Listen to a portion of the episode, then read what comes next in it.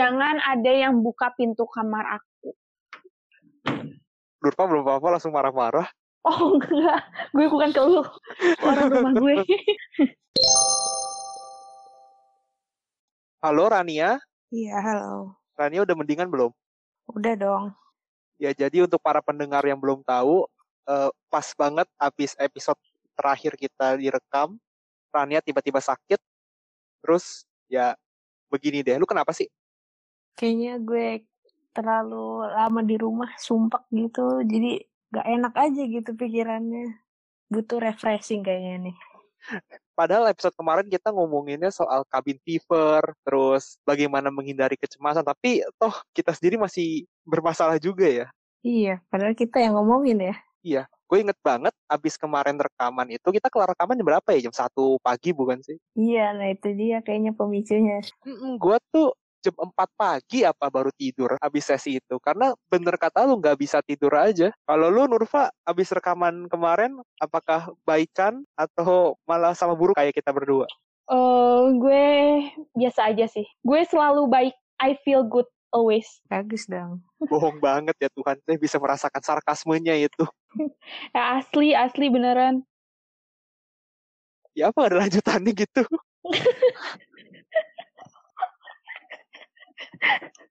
Eh, gue lagi bingung nih, gue harus ngomong apa? Apa sih? Iya, jadi untuk para pendengar di luar sana, setiap kali kita mau episode itu pasti masalah pertamanya itu adalah bagaimana cara kita ngebuka. Kayak lu sering ngeblank gak sih gitu? Sering banget. Kadang gue tuh, gue nih di sini mau rekaman tentang materi mindfulness sekarang, tapi otak gue nggak tahu lagi mikirin apa. Nah itu dia lu, lu pada sering itu gak sih? Entah bengong atau tiba-tiba ke distract gitu. Tiba-tiba pikiran lu kosong aja gitu, sering gak sih? Sering banget. Bukan tiba-tiba pikiran kosong sih, tiba-tiba pikiran melayang ke mana-mana. Gak here and now dong. Nah itu dia, jadi kita hari ini mau ngebahas soal mindfulness, tapi terlihat jelas ketiga host kita di sini, eh, gua, Nurfa, dan juga Rania tidak mindful sama sekali. Gimana ya kita apalagi ngejelasinnya nih, ya? apalagi yang sering kalau kita lagi belajar di kelas. Sering banget gak sih lu di kelas duduk ngedengerin tapi otak lu tuh ke mana-mana. Pikirannya ke mana-mana. Heeh. Iya bener. Mikirin nanti abis kelas mau ke mana nih? Abis kelas mau Enaknya makan apa? Iya. Gitu kan. Kayaknya para maba-maba yang nanti mau masuk di tahun ajaran yang baru tidak akan mengalami perasaan seperti ini sih. Kan masih di rumah semua ya. Tapi mereka juga bisa lagi kelas apalagi kelasnya di rumah. Udah aja pikirannya makin ke mana-mana. Iya, apalagi di rumah makin banyak distraction karena depan laptop tiba-tiba Iya. hmm, hmm, ada notif lain, hmm, ada YouTube nih, hmm, ada Spotify nih. Uh, langsung Hmm, tuh. mama masuk nih bawa makanan. Hmm. Ada aja distract ya. Apalagi ya kalau kelas pagi itu. Ngantuk tuh pasti. Iya iya. Godaan godaan untuk tidur laginya tuh kuat banget itu kalau kelas pagi.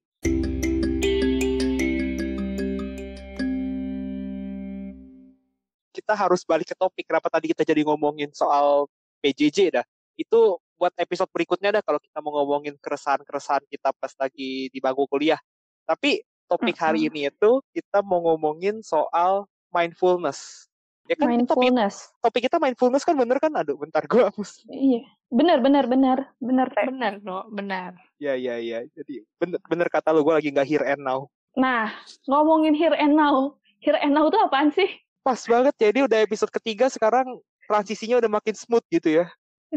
Iya.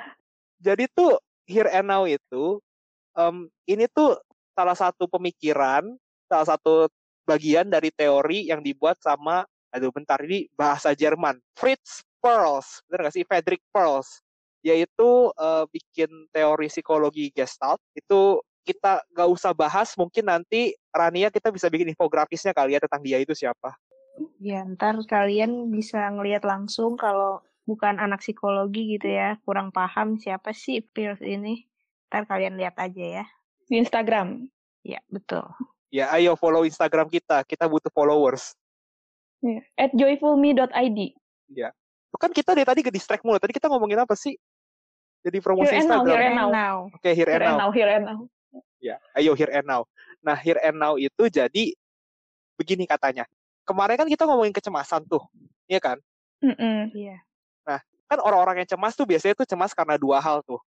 Entah dia cemas sama masa lalu, kayak dia keinget kejadian-kejadian dia waktu SMA yang memalukan atau penolakan-penolakan cinta dia yang sebelumnya atau tuh orang bisa aja takut dan cemas gara-gara sesuatu yang ada di masa depan kayak lagi covid kayak gini lah kan khawatir banget kita tadi kapan kita masuk kuliahnya apakah mm -hmm. kita kita akan dapat keringanan UKT gitu kayak gitu gitulah ya iya iya banyak banget yang dikhawatirkan iya katanya Pearls intinya itu orang yang hidup di masa lampau itu terlalu sentimental dan menyalahkan orang lain atas segala hal. Hidup dengan bayang-bayang masa lalu tuh kayak contohnya orang belum move on. Itu tuh orang hidup dengan bayang-bayang masa lalu masih dengan kenangan dengan mantannya. Jadi mereka tuh nggak akan bisa fokus untuk menyongsong masa depan apa sih ini dari kemarin ya kalau pendengar perhatikan kayaknya Nurfa lagi kasmaran itu atau lagi apa mikirkannya percintaan mulu dari kemarin iya nih cut cut ada jangan, apa sih Nurfa? jangan dimasukin itu cut Gak, justru itu gak di-cut, tenang aja. Kok gitu sih giliran gue minta di-cut nggak cut. Kita harus terlihat natural, biar kelihatan kita nggak main full. Nanti lihat nanti ya Nurfa. Tapi bener banget kata lu tadi sih, yang orang-orang yang terjebak dalam kenangan masa lalu tuh kayak begitu jadi sentimental habis itu juga kesalahan yang lama diungkit-ungkit terus. Bawaannya jadi sedih mulu kalau karena kita mikirin kesalahan masa lalu kejadian masa lalu. Sebenarnya kita pikirin juga buat apa nggak akan mengaruh apa-apa gitu orang udah terjadi kan? Harusnya buat jadiin pelajaran aja gitu ya supaya ke depannya lebih baik. Mm -hmm. sama juga kayak orang-orang yang terlalu mikirin masa depan kan masa depan itu masih bayang-bayang ya, tidak nyata, penuh dengan andai-andai. Kan nggak pasti yang di depan itu terjadi. Akibatnya tuh kita, karena kita terlalu mikirin masa depan atau kejebak di masa lalu, kita tuh tidak bisa merasakan apa yang kita harusnya rasakan saat ini loh. Nah itu tuh yang yeah. maksudnya here and now itu tuh. Jadi kalau katanya uh, Pearls itu kejadian-kejadian yang di masa lalu tuh unfinished business, hal-hal yang menurut kita nggak selesai, udah lu nggak usah pikirin lu rasakanlah apa yang ada saat ini. Apa sih itu namanya tuh kalau di bahasa Latin? Carpe diem ya? Apaan? Nggak tahu tuh gue. Nggak paham deh. Oke kita akan Google langsung di, di rekaman. Iya. Uh, carpe diem. Tuh. Uh, carpe diem itu artinya petiklah hari dan percayalah sedikit mungkin akan hari esok. Asik. Boleh itu jadi quotes. Boleh tuh Tadi kan kita ngomongin tentang kita harus fokus dengan saat ini aja kan, fokus sama situasi kita saat ini, fokus sama apa yang kita lakuin saat ini. Ada tahu kemampuan untuk berfokus sama saat ini tuh? Kayak gimana tuh kemampuannya? Kemampuan mindfulness. Nah, jadi kemampuan mindfulness itu tuh kemampuan untuk uh, memberi perhatian penuh terhadap apa yang kita lakukan saat ini. Jadi tuh kita itu mampu memberi perhatian apa adanya, kita nggak ngejudge dulu gitu. Kan sering banget tuh kita tuh kalau kita balik ke kecemasan kayak episode lalu ya, kita tuh terlalu sering mikirin kata orang ya nggak sih? Iya. Ya jadi karena itu seakan-akan tuh menjadi pusat perhatian kita gitu, bukan diri kita sendiri. Jadi dengan mengembangkan kemampuan mindfulness, kita itu diminta untuk menerima apa yang kita lihat, apa yang kita rasakan, itu tanpa adanya judgment dengan harapan itu kita lakukan juga ke diri kita ketika misalnya ada omongan orang, ketika ada kecemasan, begitu. Iya, seperti itu. Sebenarnya mindfulness tuh bisa dilakuin kapan aja tau di kehidupan sehari-hari kita juga bisa banget dilakuin teknik mindfulness ini tuh. Iya, gue tuh di sini ada beberapa list masalah-masalah apa yang terjadi kalau misalnya kita tidak mindful. Coba nih ya, kita sama-sama ngobrol nih. Nah, yang pertama itu tadi udah tuh kita udah bahas di depan. E, terlalu khawatir akan masa depan atau peristiwa masa lalu. Jadi nggak fokus perhatiannya pada masa sekarang. Itu tadi udah ya. Terus, nih, nih buat Rania sama gua nih. Pola tidur rusak. Sulit tidur di malam hari, bangun di tengah malam, atau tidak bisa kembali tidur dengan mudah. Sering nggak lu pada? Sering, apalagi pas masa kayak gini ya, masa pandemi. Pola tidur jadi acak-acakan banget lu pada gini gak sih kalau sebelum tidur nih tiba-tiba kepikiran aja sesuatu kayak kalau meme-meme anak Twitter tuh masa-masa sebelum tidur adalah masa-masa overthinking yang paling absolut gitu loh. Lu pada merasa gitu nggak? Iya, ada aja yang dipikirin. padahal tuh udah merem gitu lampu udah dimatiin tapi tiba-tiba tuh ada aja yang kepikiran padahal awalnya nggak dipikirin tapi tiba-tiba muncul gitu Iya, apalagi kalau waktu mau tidur tuh sering banget gak sih? Kayak lampu udah dimatiin, lu udah tiduran, pokoknya lu udah rapi, siap-siap, bener siap tinggal merem. Tiba-tiba lu kepikiran kayak, ih kenapa sih tadi gue kayak gitu? Kenapa sih tadi gue ngelakuin itu? Sering gak sih lu kepikiran kayak gitu tiba-tiba mau tidur? Iya, mulai dari kesalahan-kesalahan di hari itu sampai kayak peristiwa-peristiwa memalukan waktu zaman SD, lu ditolak cewek waktu zaman SMP, tiba-tiba keluar aja gitu. Padahal kenapa terlintas saat itu gitu loh. Iya, aneh banget. iya aneh emang kenapa ya Jadi tuh beberapa minggu yang lalu gue sempat ikut seminar. Jadi tuh ternyata otak kita itu kan terdiri dari kumpulan neuron ya. Neuron itu kayak sel-sel otak gitu. Dan itu kan jumlahnya berjuta-juta kan. Ya bayangin aja jutaan neuron aktif dan berjalan begitu cepat. Pasti tuh sel otak tuh pasti ada satu yang nggak sengaja keaktif aja gitu. Iya nggak sih? Contoh nyatanya ya tadi udah pernah sering banget dirasain bukan sama kita doang, pasti orang di luar sana juga sering banget ngerasain yang kayak kayak kita rasain tadi.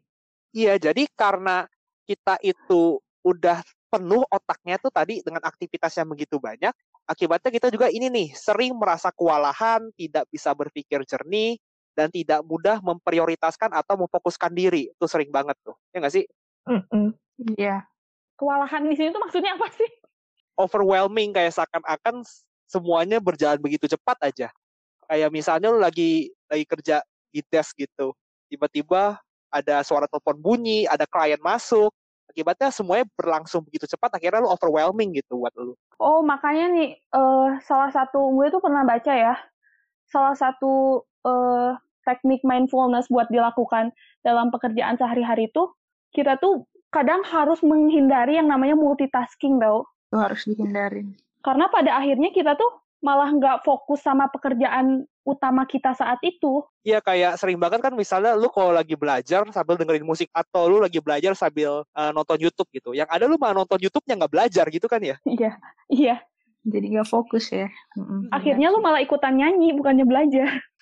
Ya terus abis itu tadi tuh kan konsentrasi yang buruk kita udah ngomong ya. Sering juga tuh kita itu punya perasaan stres. Kayak misalnya kita ada masalah, kita punya konflik, kita lagi banyak tekanan di pekerjaan, kita punya masalah komunikasi dengan pasangan kita. Akibatnya tuh kita kan merasa sedih, terus tidak termotivasi, perasaan buruk tuh. Nah, biasanya tuh kalau udah kayak gitu-gitu tuh, pasti lu merasa tegang gak sih di bagian tubuh lu? Bagian tubuh lu jadi nggak bener gak sih? Sering banget tuh emang kalau lagi stres, sedih kayak gitu tuh, nggak, bukan sedih sih, gue lagi stres, banyak pikiran, banyak kerjaan tuh, leher belakang tuh sakit banget. kalau gue sih jidat biasanya kayak rasanya penuh aja Kalau gue lebih ke pundak-pundak tuh rasanya kaku banget. Kayak lu dipaksa tegak mulu gitu. Nah, itu tuh kalau kalian ingat percakapan kita yang kemarin, itu tuh ciri-ciri kalian sudah cemas, sudah stres. Nah, ada beberapa teknik-teknik yang kita bisa gunakan untuk dapat menghilangkan kecemasan tersebut, menghilangkan tekanan overwhelming itu, biar kalian pas di kehidupan sehari-hari rasanya itu lebih santai, lebih bisa bekerja, dan lebih fokus pada pekerjaan kalian.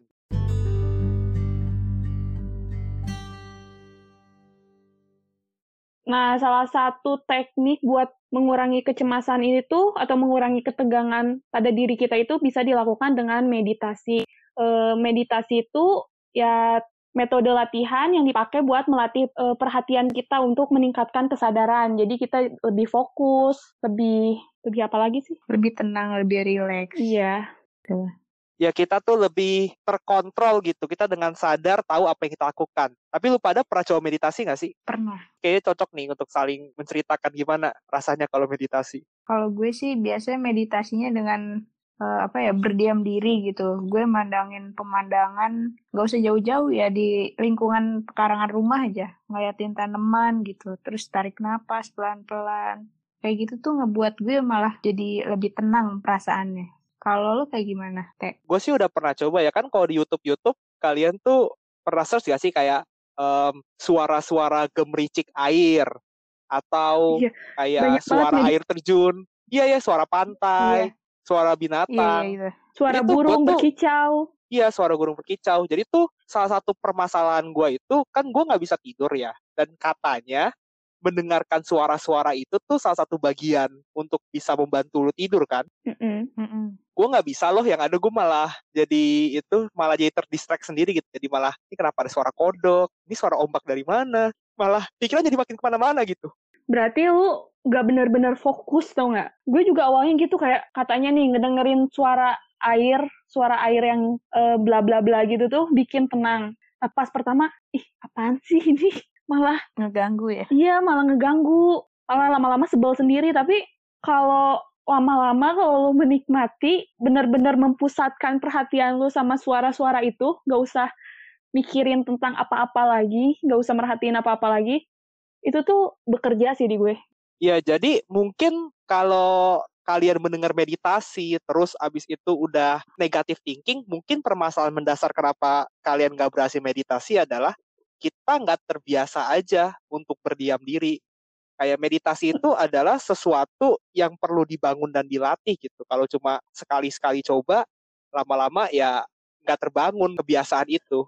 Makanya sangat sulit bagi kita untuk bisa berdiam diri, bisa bisa apa ya? memfokuskan pikiran itu susah paling susah tuh ngendaliin pikiran kitanya tau Jadi itu salah satu bentuk meditasi yang sudah distandarisasi oleh psikologi itu namanya mindfulness based stress reduction atau MBSR. Itu apa sih tuh? Jadi, MBSR ini adalah program meditasi yang terstandarisasi pertama kali dikembangkan pada tahun 1979 dengan mengintegrasi meditasi didasarkan oleh ajaran Buddha, kemudian menggunakan pendekatan psikologi dan klinis kontemporer. Iya, kalau kita ingat-ingat meditasi pasti ingatnya kan itu kan orang-orang Buddhis pada bersila terus pada om gitu kan ya. om santi Ya, om sambil tangannya di atas paha gitu. Sebenarnya meditasi itu nggak harus gitu sih. Jadi yang penting ketika meditasi itu adalah kita itu mengamati nih segala stimulus yang kita dapat, entah yang kita rasakan, yang kita cium, yang kita lihat. Terus kita itu mendeskripsikannya aja. Pengalaman-pengalaman itu kita deskripsikan. Nah, tujuannya itu adalah kita satu fokus dengan kondisi yang kita lihat, kita perhatian penuh, kedua kita itu menerima segala stimulus itu dengan tanpa judgement. Kita nggak menilai dulu kita nggak mengevaluasi. Terus yang terpenting adalah dari situ kita belajar bahwa kita itu bisa kok menerima segala yang kita rasakan itu dengan tanpa ngejudge dengan santai dengan biasa aja. Dan itu kalau kita latih terus menerus nanti dibawa ke kehidupan sehari-hari kita. Makanya kita nggak jadi cemas lagi, kita nggak terlalu overthinking lagi begitu. Iya, dan eh, teknik mindfulness ini tuh paling pas, paling kalau di gue, paling bekerja kalau dibarengi sama, sama rasa kebersyukuran. Itu bekerja banget sih di gue. Sebenarnya sih untuk awal-awal kita itu melakukan meditasi untuk mengurangi stres, kan tadi stress reduction ya. Kita tuh nggak perlu harus tiba-tiba, ayo bersyukur, ayo menerima. Itu kan sulit ya. Kayak langkah pertamanya itu kita relaksasi tubuh dulu deh. Kan tadi kita udah bahas dan kemarin juga di episode kita soal kecemasan, itu kan kalau kita sedang cemas ada reaksi fisik tuh yang sakit kepala, badan tegang, dan lain sebagainya. Nah, dengan kita berhenti sebentar, terus menarik nafas, mengembuskan, itu aja tuh udah cukup untuk kita itu kita itu merelaksasi tubuh kita. Dan kalau tubuh kita udah rileks nanti pikiran kita tuh jadi mendingan gitu lebih rileks. Jadi itu aja udah cukup sebenarnya. Gak mau sih gue mau sambil bersyukur. ya setiap orang punya beda-beda lah caranya. Nah mungkin kalian di sini masih banyak yang skeptis ya katanya tuh ah ini meditasi apaan? Kayaknya ini pseudoscience deh, ini parapsikologi deh. Kan sering tuh ya kalau kita search-search di YouTube atau di internet banyak meditasi-meditasi yang bawa-bawa cakra, energi positif, sering gak sih? Iya, ini ilmu hitam deh, nanti ada yang gitu lagi. Iya, sumpah. Kiranya sesat gitu ya ajaran Padahal ini tuh udah ilmiah gitu, udah sesuatu yang sudah, terpercaya. ya ada ada ilmunya. Ya, jadi kalau misalnya kalian penasaran dan nggak percaya gitu, bagus sih, skeptis itu perlu. Di deskripsi podcast ini atau nanti ada infografisnya mungkin akan ada link-link tentang sejumlah jurnal-jurnal penelitian psikologi yang mengatakan tuh, oh ternyata kalau kita mindful, kalau kita melakukan teknik meditasi, itu bisa kok eh, membantu psikologi seseorang Jadi kalau kita singkat gitu ya, teknik ini itu udah bekerja di populasi normal ataupun untuk intervensi orang-orang yang punya gangguan psikologis. Katanya di berbagai jurnal yang ada di link di bawah itu, MBSR dan teknik-teknik meditasi terkait itu dapat menurunkan tingkat reaktivitas emosi, jadi stres berkurang, kecemasan juga berkurang, sama meningkatkan beberapa trait-trait positif kayak meningkatkan spiritualitas, meningkatkan empati, dan meningkatkan self compassion, jadi mengasihi diri sendiri gitu. Itu bagus loh. Iya, bagus. Nah, jadi kan kita udah ngomongin panjang lebar nih, eh, meditasi itu apa dan segala macam. Nah, teknik-teknik meditasi itu ada apa aja sih biasanya? Nah, tekniknya itu ada tiga. Yang pertama, body scan. Caranya itu kita perlahan-lahan nih memindahkan atensi kita ke seluruh bagian tubuh. Setelah itu, kita harus fokus nih perhatiannya pada sensasi atau perasaan bagian tubuh tersebut. Kemudian, cara berkala, kita mensugesti pernafasan dan relaksasi sebenarnya tuh nggak harus memindahkan atensi ke seluruh bagian tubuh sih karena pasti susah. Bisa kita ke salah satu bagian tubuh aja kayak misalnya kita uh, ke perut nih kita atensi kita ke perut. Nah kita tuh ngerasain gerakan perut kita waktu bernafas, terus merasakan uh, keluar masuknya udara lewat hidung, fokusnya ke situ aja, bisa kayak gitu juga. Nah iya tuh yang Nurfa tadi ngomong tuh yang jenis keduanya tuh namanya sitting meditation. Jadi kan masalah utama orang kenapa cemas atau stres punya tekanan itu kan pikirannya cepet banget tuh, kayak pikirannya itu itu lagi itu itu lagi cepet banget. Nah dengan kita memfokuskan perhatian kita ke pernapasan kita, kayak tadi kata Nurfa perut kita kan kalau napas naik turun gitu ya kita fokus ke situ aja tujuannya itu adalah kalau misalnya kita pikiran kita ke mana-mana kita bisa fokus ke bagian tadi. Jadi akibatnya kita nggak terlalu overthinking lagi gitu. Dan ini meditasi yang paling gampang gitu. Cuma sambil duduk posisi relax latihan nafas perhatiin sekitar 5 sampai 10 menit. Itu dilakukan secara berkala nanti lama kelamaan akan terbangun tuh mindfulnessnya kita. Ya, selanjutnya itu ada namanya Hatha Yoga Praktis. Nah, ini tuh latihan pernafasan dan peregangan sederhana. Contohnya nih, kita postur tubuh kita tuh kayak tadi kan, misalnya duduk. Nah, posturnya itu kita mencoba untuk rileks. Po ambil posisi duduk yang senyaman mungkin lah. Supaya otot-otot kita tuh terasa rileks. Kayak gitu. Dan selain duduk juga karena ini yoga pasti ada gerakan-gerakan yang sulit dideskripsikan lah ya kalau pakai media podcast. Kalian juga pernah yoga nggak sih? Pernah coba yoga nggak sih kalian? Kalau gue sih belum pernah. Gue ya. juga belum pernah. Udah pernah belum? Sumpah gue pinggang gue aja nggak nggak yoga aja udah sakit gimana kalau yoga gitu. Gue takut urat gue ketarik gitu. Makanya lu cobanya yoga yang duduk doang aja.